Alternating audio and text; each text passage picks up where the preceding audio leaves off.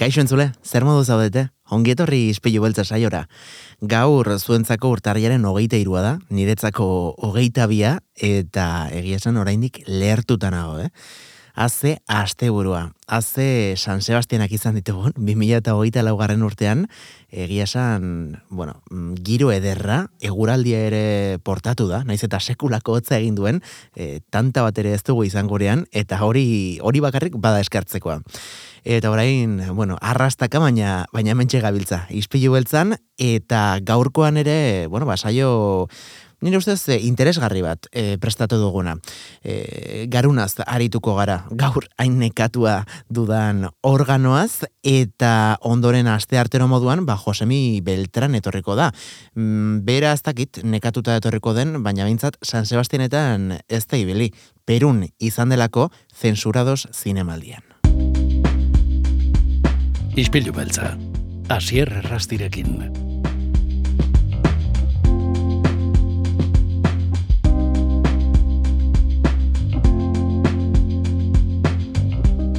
Aitzol García Etxarri, ongi etorri gure izpilura.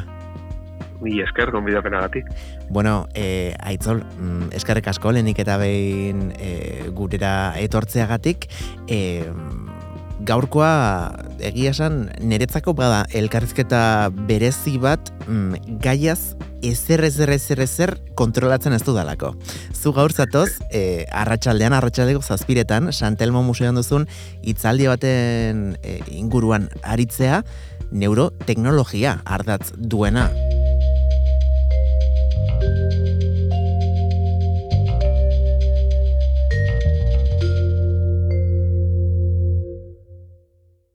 Pixkat jendeak kokatzeko, aitzol, lehenik eta behin, agian aurkeztu zure burua eta eta kontatu iguzu zertan egiten duzun lan? Bai, bueno, ba, e, hortik hasiko gea, eta gero neuroteknologitara jongo gea, zuk nahi duzu momentu bat. Primeran. bueno, bani e, ikertzaia naiz, bueno, e, zakit, jatorri zi generitza ikasi nun, baina gero doktora bat egin nun fizikan, Donosti International Physics Centerren, eta nire ikerkuntza argiaren inguruko e, ikerketa da, nola mm jateko. Argia eta materiaren elka, e, arteko elkarrekintza, betzen diogu hildoari. Zer esan nahi duenek, ba, e, argiak materiarekin talka egiten duenean, edo interakzio bat dagoenean, argia eta materiaren artean, ba, zer gertatzen den ikertzen dugu. Ez? Orokorrean, jendeari e, guztia zartan datan azaltzeko, esplikatzen diot adibidez, mundu makroskopikoan, gure munduan, ez, gure inguruan dauden objektuekin argiak talka egiten duenean, uh adibidez, objektuetan koloreak pertsibitzen ditugula. Ez? Adibidez, ni hemen daukadan e, maila beltza da. Hori zergatik da, argiak objektuaren mailaren aurka talka egiten duelako, eta e, argi guztia islatu beharrean, mailak kolore batzuk, argiaren kolore batzuk xurgatu egiten dituelako. Kolore gehiena xurgatzen dituenez, ba, nik maia beltza ikusten dut. Argia gorria, oza, maia gorria izango balit, ba, e, gorria ez diren kolore guztiak xurgatuko lituzke maiak, eta e, kolore gorria islatuko luke, eta horregatik ikusiko duke ni maia gorri. Ez? bueno, hori izango litzake, argia eta materien arteko karrekintza, orokorrean, mundu makroskopikoan edo gure munduan. Vale. Ba, e, nik edo nire taldean ikertzen duguna da, ze gertatzen den elkarrekintza e, horrekin, materia nanopartikulak direnean, ez? E, mundu nanoskopikoan. Eta ze gertatzen da hor, ba, gauzak ez direla e, pues, mundu makroskopikoan bezala gertatzen. Gauza bereziak gertatzen dira, fisika kuantikoak e, ba, e, garrantzi puntu bat hartzen hasten da, eta adibidez, pues, bueno, e, gauzen kolorea ez da pues, beti berdina, eta bueno, gauza oso interesgarria gertatzen dira, eta tradizionalki hori zantzen ere ikerketa hildoa. Ez dut gehiago sakunduko, bestela elkarrezketa guztia honen inguruan jungo litzakelako, baina ez gaur neuroteknologien inguruan hitz egitera e, etorri gera. Eta e, nola iritsi nintzen ni e, neuroteknologietara. Hori mm hori galdetu behar nizun. E, bai, bai, bai. antzeko tasunik ez dakit baute duen batak bestearekin edo... bai, bai, bai, o, eh, noski daukala zer ikusia bestela beste gozo, tan egon gintzen txartuta, ez duenia. bueno, ez eh, otra nintzen, ba, neuroteknologietan, bi, oza, hori zen komposaketa da, neuro eta teknologia, eh? teknologia guztiok daki guzardan, eta neuro neuronatik datorrez, neurona, neuronal, bueno, garunaren ikerketaren inguru, ingurua, pues, eh, zehazten duen hitza da. Ondo ba, ba, e, gauza da, orain dela, ja, de bo, sei urte olako zerbait, e, ni neuroteknolo, oza, neurozientzialari baten lagun bihurtu nintzela. Rafael Juste izeneko neurozientzialari baten e, lagun bihurtu nintzen, bera donostira e, etortzen zalako udara guztitan, eta bueno, lagun, aman komunean lagunak genitu, nago eta beste, eta e, Donosti International Physics Centerren pasatzen zuen udara, don nik gaur egun lan egiten deten. Orduan, E, Rafa mundu mailako neurozientzalaria da, oso oso ospetsua mundu mailan eta berak e, Donostian ikerketa ikerkuntza egin nahi zuen. Orduan, nerekin hitz egiten, hasi ginen esploratzen zer egin genezaken elkarrekin. Ez, ikerketan. Ikerketan. Eta, e, bueno, erabaki genuen astea ikertzen, nanoteknologiaren, hau da, nanopartikulen eta neuronen artean, zer elkarrekin, elkarrekin topatu genitzazken. Vale. Hau da, nanoteknologiaren e, potentziala edo nanoteknologiaren e, posibilidadeak aztertzea neurozientzietan. Hori izan zen gure hasierako konversazioa, ez? Vale. egin genezak zentzu ontan. Eta bueno, e, berak eta beste batzuk e, gutxira edo bueno, aldi berean, gutxi gora bera, deskubritu zuten e, nik ikertzen dituen nanopartikulak, e, hauek urrezko nanopartikulak zehazki, baina bueno, ez, du, ez dauka garrantzia handirik, neuronen gainean jarrita, eta argiarekin iluminatuz nanopartikula hauek, neuronak e, piztu zitzazketela, deskubritu ah, zuten. Begira. Vale zergatiak eta guzti hori e, pues, interesa dokana, pues, etorri da dila gero itzaldi da, eta falduko dut, bestela, bestela beste hogei minutu ditu gorratzean. Eh? Bai, eta ez dakit zerbait ulertuko banuken, hori da garantzitsuen. Bai, bai, bai, bai, bai, eta orain esplikatuko banuke baita ere. Ez da ez oso konpexua, oso azkarra falduko dut. Nanopartikula hauek, bueno, nanopartikula dira, partikula oso oso, oso txikiak, ez? Ba, metalezkoak direnean, argiak e, iluminatzen dituenean, gertatzen dena da, bueno, kolore batzuk islatu, beste batzuk xurgatu, baina gure interesatzen zaiguna momentu honetan da, kolore batzuk xurgatzean, berotu egiten direla. Ah, vale. Ez dakit, e, txikitan lupa batekin jolastu zenun, bai. e, papera erretzeko, ez? Bai. Olako zerbait gertatzen da, argia konzentratu egiten da puntu txiki txiki baten, uh partikulan, eta argia konzentratzerakoan, xurgatu egiten diren kolore horiek, hori da energia bat, non beroan bihurtzen den azken azken finean, ez? Orduan, antzeko zerbait gertatzen da, ba, nanopartikula jartzen dituzu neuronen gainean, argiarekin zatoz, iluminatzen dituzu, nanopartikulaiek berotu egiten dira, eta hemen dator neurozientzien inguruko partea. Nik ez nekina, baina horrela dana da, neuronak berotu egiten direnean, piztu egiten direla. Uh e, dispara, disparo batzuk sortzen direla, ez? Eta e, horrela, ba, neuronak nolabait argiaren bitartez, ba, piztu ditzazkegu. Eta horrela sinintzen ni mm, neuroteknologia hauen inguruan ikerketa egiten. Beraz, artifizialki eh, ondorio estatu zen piztu genitzakela, aktibatu genitzakela eh, guk garunean dauzkagun neuronatxo horiek, ezta? Hori da, hori da. eta horrek, e, guk pixka bate ideia bat egin genezan, zer mototako erabilerak izan ditzake? Ba, bitu. E, tradizionalki, bale, hau azaltzeko beste, beste hildo batetik ingo dut, baina nik uste ez da ez dugu arazorik edukiko. Zuk kontatu lasa, e, bai, bai, bai, bai. Ja, bueno, garunaren ikerketa, e, bueno, garuna, nola esateko, gaur egun, bai gainean daukagun, misteriorik handienetariko bat da zientzian ez dakigu nola funtzionatzen duen garunak, e, garunaren inguruko gauza asko dakizkigu, baina oraindik ez dugu lertzen nola e, pentsatu dezakegun, nola ulertu dezakegun gure, gure mundua, ezakigu zer dan pentsamendu bat nola baita esateko. Eh? Mm Orduan, bueno, misteri hori e, mai gainean dago, eta zergatik e, ulertu nahi dugu garuna, ba, bi arrazoien gatik. Lehenengo eta behin, kuriosidadea e, pizten duelako. Eta gizaki, gizakiok oso kuriosoak gira. Eta e, ulertzen ez ditugun gauzak, ulertu nahi ditugu orokorrean, ez? zientzia erabiliz, edo batzutan zientzia ez erabiliz, baina bueno, gu zientzialari bezala, zientzia erabiliz, erabiliz, esa, e, ulertu nahi ditugu. Orduan, hori alde batetik, baina bestetik, e, badakigu ere garunean gaixotasun asko e, gertatzen direla. Ez? E, pues, gaixotasun psikiatrikoak edo, edo beste mota batzutakoak ere bai. Ondo, e, garuna ulertzen ez baldin badugu, gaixotasun horiek ez ditugu inoiz ondo ulertuko.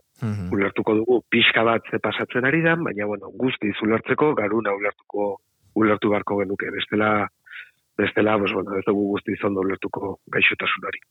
Orduan, hori alde batetik, e, garuna ulertzeko metodoak behar ditugu. Hau da, garuna ikertzeko, ba, neuronen seinaleak registratzeko metodoak garatu behar izan ditugu iraganean, eta horrendikan garatzen ari gara metodo, metodo berriak, ez? E, metodo hauen bitartez, ba, bueno, agian, egunen baten, ba, garuna ulertu izango dugu. Baina behin, ulertzen dugula, demagun, ba, gaixotasun bat ikertzen ari garela, eta ja gaixotasun hori ulertzen dugula, e, esaten dugunean, bai, ondo, ja, ulertzen dugu gaixotasun hau, gaixotasuna sendatzeko garunean e, garunaren funtzionamendua aldatu behar izango dugu. Garun hori, gaixo dagon garun bat, ez da bilondo, konpondu behar dugu, ez? Destorniladore bat behar dugu, ba, hor dauden tuerkak eta, eta bueno, tornilloak, bai, ikutzeko eta eta moldatzeko. Horretarako, baita ere, metodoak behar ditugu.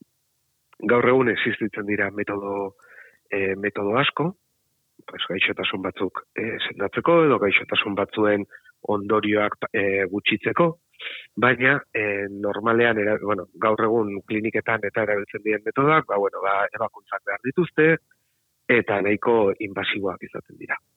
Orduan, e, metodo horiek hobetzeko baita ere metodo hauek gaur egun erabiltzen diren metodak ez dokate resoluzio dirik. Hau da, e, idealki gu neuronaz neurona ulertu nahi genuke garuna, eta neuronaz neurona modifikatu nahi izango genuke garunaren funtzionamendua. Horendik ez gaude hor. Gaur egun egiten dana da neurona multo handien aktivitatea e, registratu, ba, makina eta metodo ezberdinak erabiliz, eta baita ere, ba, ebakuntza eta beste metodo elektrizidea erabiliz, arlako gozak, ba, e, garunaren zonalde ezberdinen funtzionamendua ba, pixkat aldatu dezakegu. Baita farmakologiaren e, erabilera zere. vale, baina idealki neuronaz neurona gustatuko litzaiguke etorkizuneko e, tratamendu hau egaratzeko, ba, garuna garunaren funtzionamendua modifikatzeko almena edukine izango gero. Askoz konkretua delako, ez? E, ulertzen dut. Hori da. Bai, bai, askoz kon, ba, bai, ezakita baina adibide bat, imaginatu ordenagailu bat konpontu nahi degula, eta, ba, ezakit, ba, prozesadorea aldatu dezakegula bakarrik, eh? ba, bueno, hori e, egin dez, bueno, garunarekin ezin dugu egin, baina ordenagailuarekin bai, egin genezake, baina, bueno, horrek ze suposatzen du, pues, prozesadore bat oso garestia dela, eta arrun diru inbertsio diak dala, eta eta beste, baina, agian transistore bakoitzaren funtzionamendua aztertu bagenezake ulertu eta modifikatu, bagian ez, ez genuke prozesadore oso aldatu behar, edo ordenagailu oso aldatu behar, ez, ba, ordenagailuarekin lan egiten jarraitzeko, eh? eh bai, hau, pues bueno, eh, medikuntzan oso, oso komuna da, ez? Pues bueno, gero zeta zehatzago eh, jutea gaixotasunaren funtxera eta eta hori eta hori konpontzera. Claro, eh, bueno, aitzor, eh, farma, bueno, eh, medikamentu farmakolo, eh, Jesus, E, aitzol, e, medikamentu psikiatrikoak orduan, mm, bere horretan bai eragiten dute. E, era zuzen batean, garunean, baina mm, era orokortu batean, esan genezake? Hori da, hori da, mi esker puntualizazio egiteagatik, pero oso ondo ulertu ez duena eta asko lagunduko die entzule ez? Hori da, Rafael Justen ere lagun eta kolaboratzaileak askotan esaten duen. E, medikamendu psikiatrikoak funtzionatzen dute. Batzuko beto, beste batzuko kerrago, baina bueno, hor, daude eta funtzionatzen dute. Bera Madrilgoa da, euskera ikasten ari da, baina horrendik, e, bueno, bere zeltasuna dituta, esaten duna da, medikamendu farma, e, psikiatrikoekin gaur egun, ke, berak esaten duen, matamos moskas akainonazos. esateko, eh? bai. Ba, bai daukatela eragin bat, ezagutzen dugu eragin hori, baina e, hori da, ez, ez goaz, ba, funtxera, ez goaz, e, arazoaren oinarrira baizik eta, pues, bueno, pues, e, medikamendu batekin, ba, zonalde handi baten, edo neurona multza handi baten, funtzionamendu baldatzen dugu, eta horrela, ba, bagian hobekuntza batzuk ikusten ditugu pazienteetan, baina urruti gaude horren dikan, e, bai, lehenengo gaixotasun psikiatriko asko ulertzeko, ondo ulertzeko, ez? eta bestalde, ba, e, sendatzeko ere bai. Horrekin, e, nik uste ondo e, ulertzen ari garela pixka bat, ez? E, nondik mm, zabiltzaten behintzat e, eragin nahian edo edo lanean, eta kasunetan horretarako e, balio du ez da, neuroteknologia honek? Hori da, hori da. Orduan, gaur egun e, ez gu bakarrik, eh? Ba, jende pila bat e, mundu mailan metodo berriak garatzen e, ari dira, bai e, neuronen konportamendua banan banan ikusi alizateko, garuna hobeto ulertzeko, eta baita ere neuronen konportamendua aldatzeko e, modu konkretuago baten, neuronaz neurona, eta geroz eta modu ez invasiboago baten. Hau da, ebakuntzarik gabe edo modu eh, amableago baten norbait esateko. Ba, bueno, teknologia guzti hauei neuroteknologiak deitzen, deitzen zaie, eta mota askotako neuroteknologiak daude, eta bueno, e, pixka bat ba, itzaldira bideratuz konversazio hau, E, Santelmo Museoan gaur egun e, burmuinak erakusketa daukat erakusgai, erakusketa bai. aparta da, ikaragarria, ni Madrilen ikusi nuen orain dela urte bete, gutxi gora bera, eta orain dela azte pare bat, Santelmo ikusi nuen ere bai, eta, e, bueno, garunaren inguruko e, erakusketa bat da, garunaren inguruko ikerketen historia saltzen duena, eta neuroteknologiak erakutsi eta eta aztertzen dituen erakusketa bat da. Orduan, erakusketa honen hildora, Santelmo Museoak antolatu ditu ba, e, bueno, agenda kultural bat antolatu egin du, e, nun itzaldi desente egongo diren, eta bai inguru desente egongo diren, urrengo astete hilabetetan, eta e, hoietara mm, pues bueno, hoietan parte hartzera gonbidatu zidaten, oain dela, oain dela hilabete bat edo, eta bai ezko eman eta bueno, ba, nire itzaldia ba, neuroteknologien nola esateko ba, introdukzio bat izango da, eta guk egiten ditugun gauzten ba, pintzala da batzuk emango ditut ere bai. Baina, bueno, hortaz hitz egitera, gonbidatu didate ba gaur arratsaldeko zazpiretan Santelmo Museoan, e, areto nagusian aurkitu izango zaitu gaitzol, e, agurte aurretik, e, irakurri izan dugu Donostia Kulturaren web horri aldean, zure, bueno, ba, itzaldiaren azalpenean, neuroeskuidez ere arituko zarela. E, ez dakit hauek era simple batean e, azaldu daitezkeen edo imaginatzen dut gauza oso berritzaia dela, e, oraindik ere, bueno, ba, legislatiboki gauza asko e, daudelako egiteke, baina, baina, baina zertan datza guzti hau?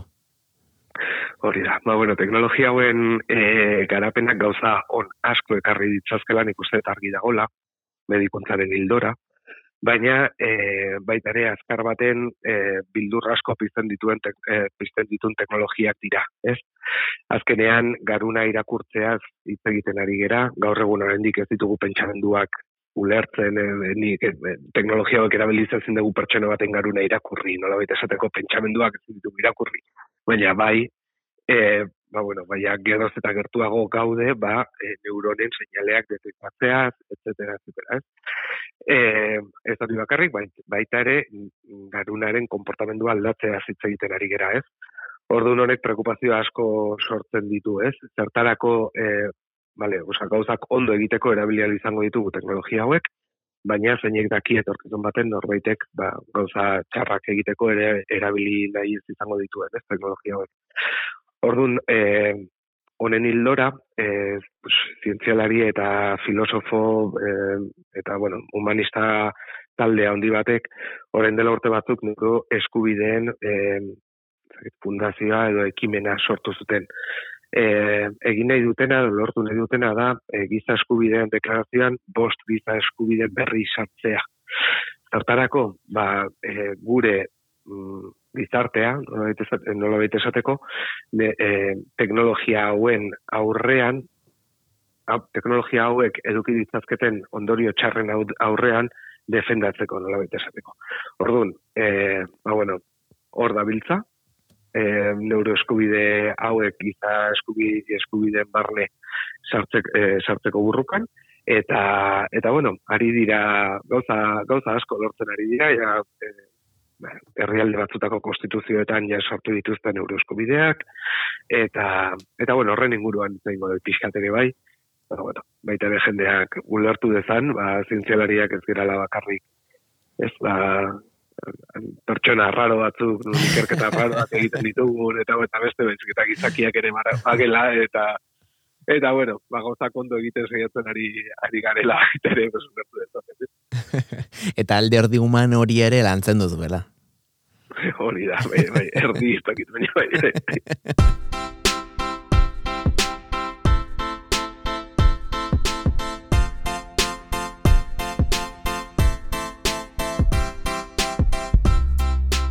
Ba, aitzol, plan zora daukagu gaur. E, gainera, luzatu duzu. E, zure itzaldiaz gain ere, bueno, ba, gombita garunak ikuskizun, ikuskizunez, erakusketara e, joateko jendea, ba, zure itzaldiaren aurretik edo ondoren, e, Santelamo Museoan, momentuz e, bueno, beste astetxo batzu ez ere e, bueno, ba, mantenduko delako erakusketa hau eta zazpiretan apuntatu ordua gaur e, urtaraiaren hogeita iruan e, Aitzol Garzia etxara izango delako e, bertan ba, Santelmo Museoko areto nagusian ba, hemen eman dizkigun zertzela da guzti hauek ba, erasako batean azaltzen.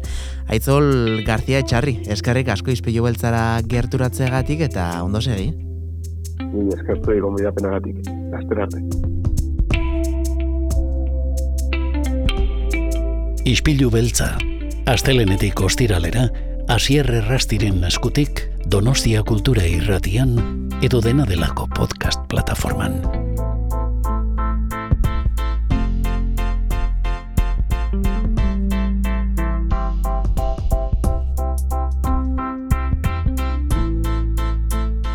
Eta jarraian zientzialbo batera utzi eta zinema kontuak izango ditugu izpide.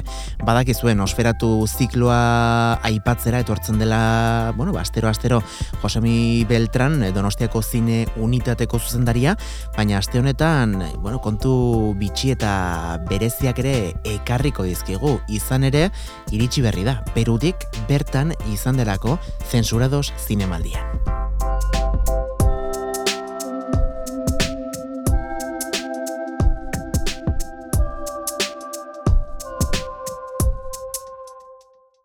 Josemi Beltran, ongi torri gure izpilura. Kaixo, zelan. Oso ondo, eta zuzer moduz?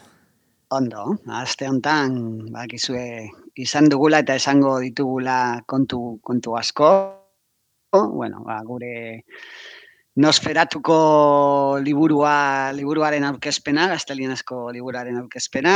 E, bueno, izan dugu baita Valenciaga telesaiaren estreinaldia, Victoria Eugenian txokian, uh -huh. ja estrenatu da e, plataformetan, ja ikusgai dago, zei ataleko e, ba, ba hori, ba, telebistarako serie hau, moriati mm, ekoiztetxeak soltutakoa, eta, eta bueno, ba, hemen filmatutakoa, baita ere, gure inguruan, gipuzkoan, donostian, eta beste hainbat lekutan, eta bueno, ba, gogoak e, osorik ikusteko. Hm? Egia esan, bai, nik oraindik ez dut e, tartea izan, baina irakurri ditut, eh, kritikatxo batzuk, eta mm irakurri ditudan kritika guztiek, bueno, e, oso oso leku honean uzten dute telesaia, eh? Mm Ba, ja, aukera dugu, e, bueno, ba, komentatzeko aurrerago, baina, bueno, egia da, ba, beti moriartiko kideek e, lan fina egiten dutela, eta naiz eta hau, ba, hori, ba, telebistarako edo ka, streaming kate baterako uh soltutako ba, ekoizpen bat izan ziur nago ba, bere ba, ikutu pertsonala edo utzi, utzi dugula, utzi dutela barkatu. Hmm? Ba, irukote honek egiten duen guztia, e, hauen eskuz, eukitzen den guztia, eh? e, badirudi, ez dakit, euren magiarekin sekulako e, gauzak e, sortzen dituztela, eta eta ikusiko dugu, e, bitzaren dugu, eh? E, beste egun batean telesai honen inguruan, e, atal guztiak ikusteko aukera dugunean, eta eta astetxo batzuk pasatzean, ze, klaro, oraindik ez gara, ja, e, asiratik spoilerrak egiten hasiko, eta... ez ez, denbora, denbora utxiko dugu baita ere jendeak ikusteko lasai, ez, ez empatxo, empatxo moduan. Hori da. E, galdetu behar nizun, ea, zer modu San Sebastianak, baina zer, ez zara ba, donostiatik ba, ibili, eh? Kampoan, kampoan, kan, kampoan harrapatu nau, e, festak, kampoan dengoen, eta, bueno, bai, ba, giza, giza eskubideen zinemaldiaren, bueno, ba, izenean, egon gara, e, Peruko zinemaldi batean, wow. censurados zinemaldia, izuzen ere, e, arekipan, eh, ez da e, iriburuan izan, liman, e, baizik eta arekipan, ba, beste, bueno, bigarren iria, peruko bigarren iria dena, e, benetan, ba, bueno, hiri historikoa, oso polita, eta han ospatu da zinemaldi hau, zurado zinemaldia da gure, bueno, ba, gure gaude elkar beraiekin, eta beste hainbat zinemaldikin, sare nazioarteko sare batean, giza eskubideen nazioarteko sare batean, horregatik, ba, bueno, elkarlanak sortzen dira noizbenka, eta, eta bueno, ba, hau izan da, ba, urte, urtearen e, lehenak asuntan. Hm?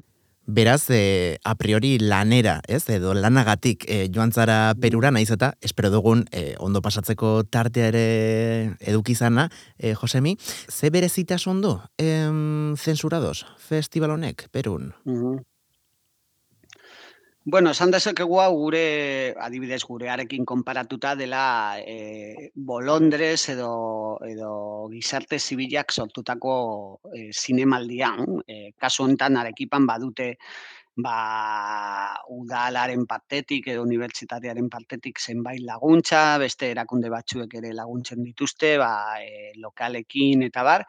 Baina bat, ez ere da bolondrez talde bat, e, bueno, ba, sortzeko keska giroa zinemaren inguruan eta eta giza eskubideen inguruan.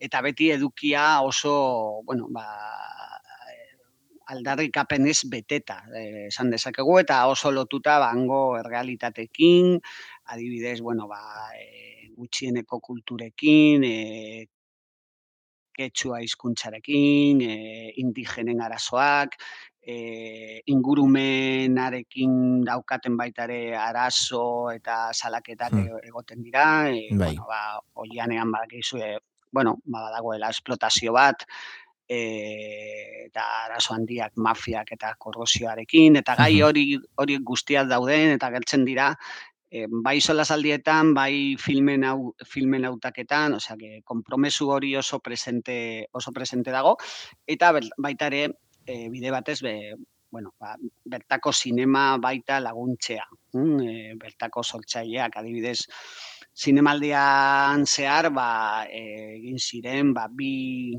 bi bideo tailerak edo mm ba e, bideoaktivismoaren inguruan eta eta ah, sortu ziren zenbait bai sortu ziren zenbait bideo laburrak edo bueno ba bideo txikiak ba, ba bueno zenbait parte hartzaileekin mm, orduan bueno ba e, bai, salaketa eta konpromesu osagai hori oso, oso garrantzitsua da zinemaldian, e, eta zinemaldia tresna gisa ikustea, ba, bueno, egia erabiltzea, e, segun zelekutan, giza eskubideen kontzeptua, eh? ez da hemen bezain e, evidentea, esan dezakegu, claro. edo ez, da hemen bezain erraza, e, ba, bueno, e, ja ikur hori ateratzea. Hm? E, ematen du festivala lehen ospatzen zen Liman, orain arekipan dago, pizkate hiri hori edo hango gobernuak ematen du, ba, bueno, pitxin bate progresistagoa dela, naiz eta Perun egoera ez da ez da ere oso oso garbia esan dezakegu ba, -huh. e, oraingo gobernuarekin eta badaude ba, errepresio histori batzuk e, geltatu dira eta geltatu zireniaz adibidez e, poliziaren aldetik e, bueno, manifestazio batean, hango, hango regio batean, eta adibidez horrelako egoera batek e, baita horrelako egoera bat nabaritu da e, zinemaldian eta salatu da salatu da askotan hango hango manalietan.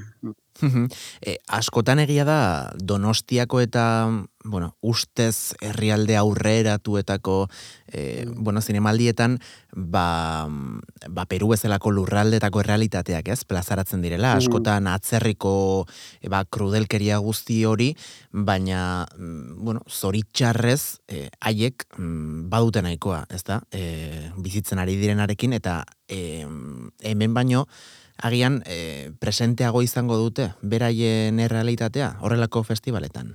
Bai, mm, berez gu parte hartu dugun egon naiz e, tutore gisa, giza eskubideen bueno, ba, proiektuekin egindako mintegi bat, no? asmoa zen laguntzea eta, eta bueno, ba, pizkatideia ematea, e, bueno, ba, batez ere festival batzuei edo zinemaldi batzuei edo ziklo batzuei eragian festival hitza ez da bueno, ba, egokiena, baina egon dira ba, Peruko e, ba, bai, e, gune desberdinetako ordezkariak, amasei proiektu desberdinekin, mintegi horretan edo tailer horretan, eta komentatzen dizuna, adibidez, ba, proiektu, proiektuak ez ziren oso handiak, e, baina bai garantzitsuak beraien komunitateetan, mm? adibidez, ez dakite, limako auzo batean, e, ba, sinemareto areto bat sortzea, zinemareto txiki bat sortzea, kaleko umeen txat, hm? eta, eta, ume,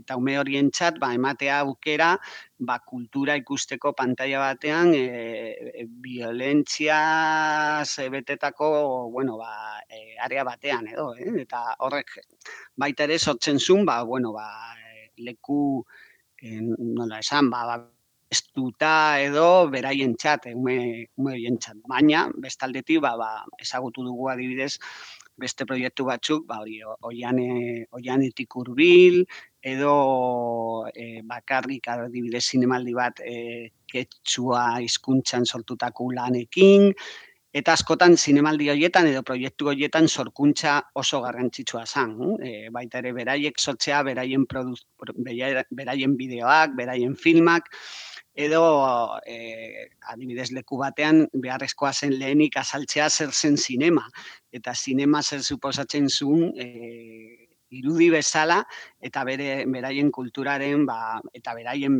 bere memoriaren ba pizkat e, ba, ba gordailu gisa, mm gordailu gisa, osea que E, bai, hango egia zen ba, jende oso e, ausalta eta komprometitua ezagutu dugu, eta ia, ia esango nuke ni gehiago ikasi, ikasi dudala, haietaz, e, eta bueno, elkarlan polita eta truke bat, truke polita izan da, naiz eta e, ba, gu, gure zinemaldia eta beraien proiektuen artean, ba, desberdintasunak egon, bai sozialki, ekonomikoki, nahi, duz, nahi duzuna.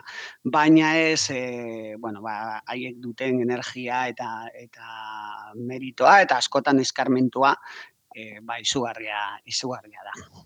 Claro, imaginatzen dut, gainera, Josemi, horrelako, bueno, ba, festival batean egon ondoren, e, onera bueltatzean eta, ez, pixka bate, bueno, ba, mm, atxeden hartzean, beste perspektiba batekin, ez da? E, ikusiko dituzula guk eskura dauzkagun baliabideak, e, hemen jendea e, zutartean honetara dedikatzea, ez? E, dirua bideratzea, e, honi ikusgaitasuna emateko, e, eta bueno, mm, oso esanguratsua da, eta nik uste dut oso ongi deskribatzen duela e, zer nolako egoera bizi den bertan, ba, festivalaren izenak berak ez da, zensurados. Bai, bai. Ez, baita instituzionalki han, e, adibidez, e, kultura minister, ministerioa, ia, ia, bueno, existitzen da, baina ez da oso, e, nola esan, erabilgarria, esan dezakegu, eta hmm. beti komentatzen dute arriskuan dagola. Adibidez ez dago sinema areto publikorik, bai badaude zenbait diru laguntza, ba, sinema areto independienteak e, sortzeko, baina, bueno, e, dira, ba, hori, ekimen pribatuak, eta gero, ba, bueno, hori iraunkorra egiteko eta jarraitzeko ba zailtasun asko izaten izaten dituzte. E, Peruko sineman ekoiztutako sinema e, ba, e, ekoiztetxek e, e, banatu behar dituzte zinemetan, eta existitzen diren zineman bakarrik dira bakate handiak, eta normalean bastatu batuetako filman bakarrik daudean ikusgai, ekoizpen handikoak, eta oso zaila da ba, peruko zinemaren txat, eta bueno, ba, ba, ba hori, agertzea pantalla horietan. E, la, fil laburrak, adibidez, e, ezagutu ditugun zinemaldietan fil laburak oso garantzitsuak dira, eta askotan, bueno, ba, osatzen dira eduki horrekin, eta fil laburak oso, baita ere, gizarte ikuspuntu bat, edo, bueno, gizaskubien ikuspuntua e, badute, bai, e, askotan. Osea, que sortzaileak, energia, kimena, ideiak hori, e, bai, nabaritu dugu, baina falta dena askotan da, bueno, lehenik askatasun, e, bueno, ba, dierazpen askatasuna, edo -huh, claro. e, baita ere politikoki ba, egoera zaia, eta bestetik e, askotan erre, errekurtso ekonomikoak edo. E, nazioarteko diru laguntzak badaude, adibidezan ba, zeuden movies, movies that matter amnesty internazionaleko ba, zinemaldia, eta beraiek ere ematen dute diru laguntzak e, horrelako proiektuetan, bai Amerikan, e, Afrikan edo Asian, banatzen dituzte, eta adibidez zensuradoz e, zinemaldia jaso, jaso ditu horrelako diru laguntza bat aurten, zeren gainera e, bueno, ba, amar, amargarren edizia ospatzen zen, aurten e, arekipan, e, komentatzeagatik iaz adibidez e, Ander Iriartek Euskal e, zuzendariak irabazi zuela, sari bat. Ah, begira. E, bai, karpeta duinak e, dokumentalarekin. Eta, eta aurten, bueno, Euskal Ekoizpenik ez, baina baina bai bazegoen ba adibidez Fernando León eh bueno ba estatuko zuzendaria egonda masterclass bat ematen eta bere bueno ba bueno filmografia e, ari buruz hitz egiten, edo Checkpoint Rock, e, Fermin Muguruza eta Javier Corcuerak zuzendutako dokumentala, mm, palestinari mm -hmm. inguruan, bai, hori proiektatu zen baita, ah, e, bueno, ba, pizkat keinu bat eginez baita, palestinaren e, egoerari. e, hori zen e, kaletu nahi nizun gauzetako bat, e, horre posizio argia ez da, festival honetan. Bai. Gatazkarekiko. Ba, Bai, bai, bai, antolakuntzaren aldetik eh, argi eta garbi. Egia da, agian eh, han palestinaren ego, eh, palestinako egoera, ba, bueno, eh, urgun, eh, urgun dago, eta, eta bueno, ba, ba, agian ez da zaila posizio hori altzea, baina e, eta ez, edo ez du soltzen den beste, bueno, ba, ez da bai darik, mm -hmm. zeren, bueno, ba, komentatu dugun bezala, ba, beste kezka batzuk badituzte, bai, bai gobernuko jendeak, bai biztaldeek, beste, beste, bueno, ba, premiazko kontuak existitzen dira, baina, baina bai, festivalanen aldetik beti elkartasun hori e, adierazi dute, baita ere Fisajara adibidez egoenan e, baita elkarlanean, eta Fisajara zinemaldiko ordezkari bat parte altu du mintegi honetan eta eta zinemaldian, osake bai, badago sare hori, elkartasun sare hori badago eta eta bueno, ba, bai, baita ere ez bakarrik bargura Peruko bargura begira, baizik eta bai, kanpora begira, ba, ba adibidez aurten Palestina izan da garrantzitsua programazioan. E, Josemi, agurtu horretik ez dakite, bueno, ba, bereziki e, horrelako herrialdeetan eta horrelako e, zinemaldietan, ba, ideologikoki, bueno, anitza den, e, bueno, ba, pentsa molde, bueno, ezberdinak dituzten pertsonak, ala, orokorrean, bueno, ba, jende ezkertiarra, ekintzaia aktivista izaten den, bertan parte hartzen duena, edo badu pixkat ez profil hori, bentsat kanpotik ikusita. Mm Bai, honetan duda barik, nik uste adibidez ba unibertsitateko ikasle, zenbait ikasle baseuden, Perutik etorritako mm, ba, ba bai, aktivista asko, mm, aktivista asko oso komprometituak e, beraien edo, beraien errealitatearekin eta beraien arazoekin hori lehena, mm bai. E, aipatu dugu ingurumena edo kultura ba, ba hori gutxieneko kultura, ketsua eta bar, horiek gai horiek oso oso garrantzitsuak dira beraientzat, e, feminismo, feminismoa baita, eh? eta berez emakume ekintzaile asko zeuden e, parte hartzen honetan eta eta zinemaldian bai eta bueno ba nik hiru ardatz hori e, horiek aipatuko dituzke e, bereziki egia da agian publiko orokor e, orokor batean pentsatzen badugu ba ez da ez dela inbeste eta eta manejatzen zituzten aforoak bat txikiak ziren, eh? eta neurtuak, baina, baina ba hori, e, arekipa eriaren erdian, Alianza Francesa, Unibertsitatea, antxoki bat, edo, bueno, ba, gune garrantzitsuak eta simbolikoak baita ere ba, e, okupatzen festivalarekin eta bere agenda eta bere gaiekin, berez, ba, bueno, nire txate, bueno, ba, ba meritua handia dauka eta espero dugu baita ere etorkizunean ba bueno ba horrelako ekimenak hemen Perun eta beste leku batzuetan posible izatea e, e, jarraitzea. Imaginatu adibidez komentatu dudan aretoa areto txikia Liman ba jaso zituztela ba e, ba hori meria, e, eriotza mehatxuak hori egiteagatik. Batarrik umentzat e, sortzeko e, ba hori, ba sinema ikusteko pe, leku bat, hm? zene molesta, molestatzen zan, hm? orduan, ba bueno, pentsa zemotatako arriskuak hartzen dituzten noiz benka, bakarrik kultur programatzaile edo aktivistak izateagatik zenbait lekutan. Hm? Ba bai, egia esan, e, bueno, oioi purdia eta dana jartzen zait, e, pentsatzearekin bakarrik, e, kulturak elukelako inoiz eta inun, ez? E, bueno, ba, mugarek izan behar. E, ja, agurtzeko, zer rekarri duzu e, donostira bertatik? Zer mm, ikasi duzu edo zer gustatuko litzaizuke? E, gure mm -hmm. giza eskubian ziremaldiak e, izatea? E, ez duena eta angoak bai? Bueno, ez dakit, adibidez, bai sorkuntza, sorkuntza tala e, gustatu zait, egia esan, osea, e, noiz benka egin du zerbait, baina, baina, bueno, inspirazio hartu dut, e, ba, ba, ba, e, gure gan sorkuntza lotuta gizaskubidekin, sor, bideo sorkuntza, edo ikusentzunezko sorkuntza gian gehiago sustatzeko, eskuntza baita, mm, badugu gure eskuntza programa, e, baina gian eskuntza programa hori ba, pitxin gehiago indartzea, edo beste, beste kutsu, kutsu bat ematea, e, egokituta gure errealitateari, ba, ba, da eskuntza eta sorkuntza, eta batez ere ilusioa, e, e, ba, iru, iru ardatz horiek, edo iru hitz horiek aipatuko aipatuko nituzke, bueno, ba, energia baitare hartzeko, ba, ba, tengo giza eskubiden zinemaldiari begira.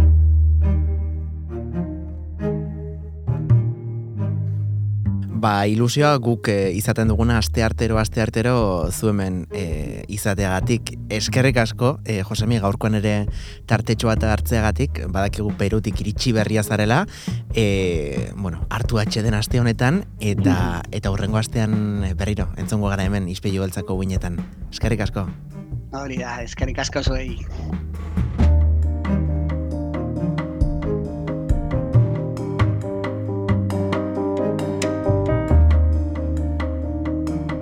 Ba, tira entzule, gaurko amaitu dugu, ni lertutanago, orain ea deskantzatzeko aukera dudan, zuek egun hona izan, espero dut e, zuentzako aste artea denez, ja, bueno, bintzat osatzen joatea, pixkanaka, pixkanaka, eta aizue, ba, zer esan, biharrere mentsi izango garela, goizeko seiretan podcaste plataformetan, eta goizeko zortziretatik aurrera, eunda zazpi puntu lau FM-an, Donostia Kultura irratian, bestela, irratia puntu, donostiakultura.eu satarien ere aurkituko gaituzue, astelenetik ostiralera.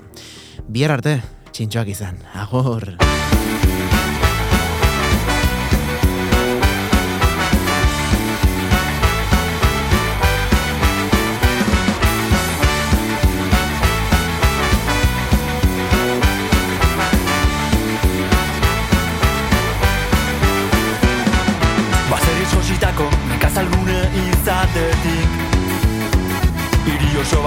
abia puntu izatera. Fabrikaz bete zen, etxeak sortu ziren Iritsi ziren gure tunetak ioskoa Txikitatik erraldoiak matiak alean barrena Eta frontean jokatu ditugun pelota partidak. Zestak jaialdiak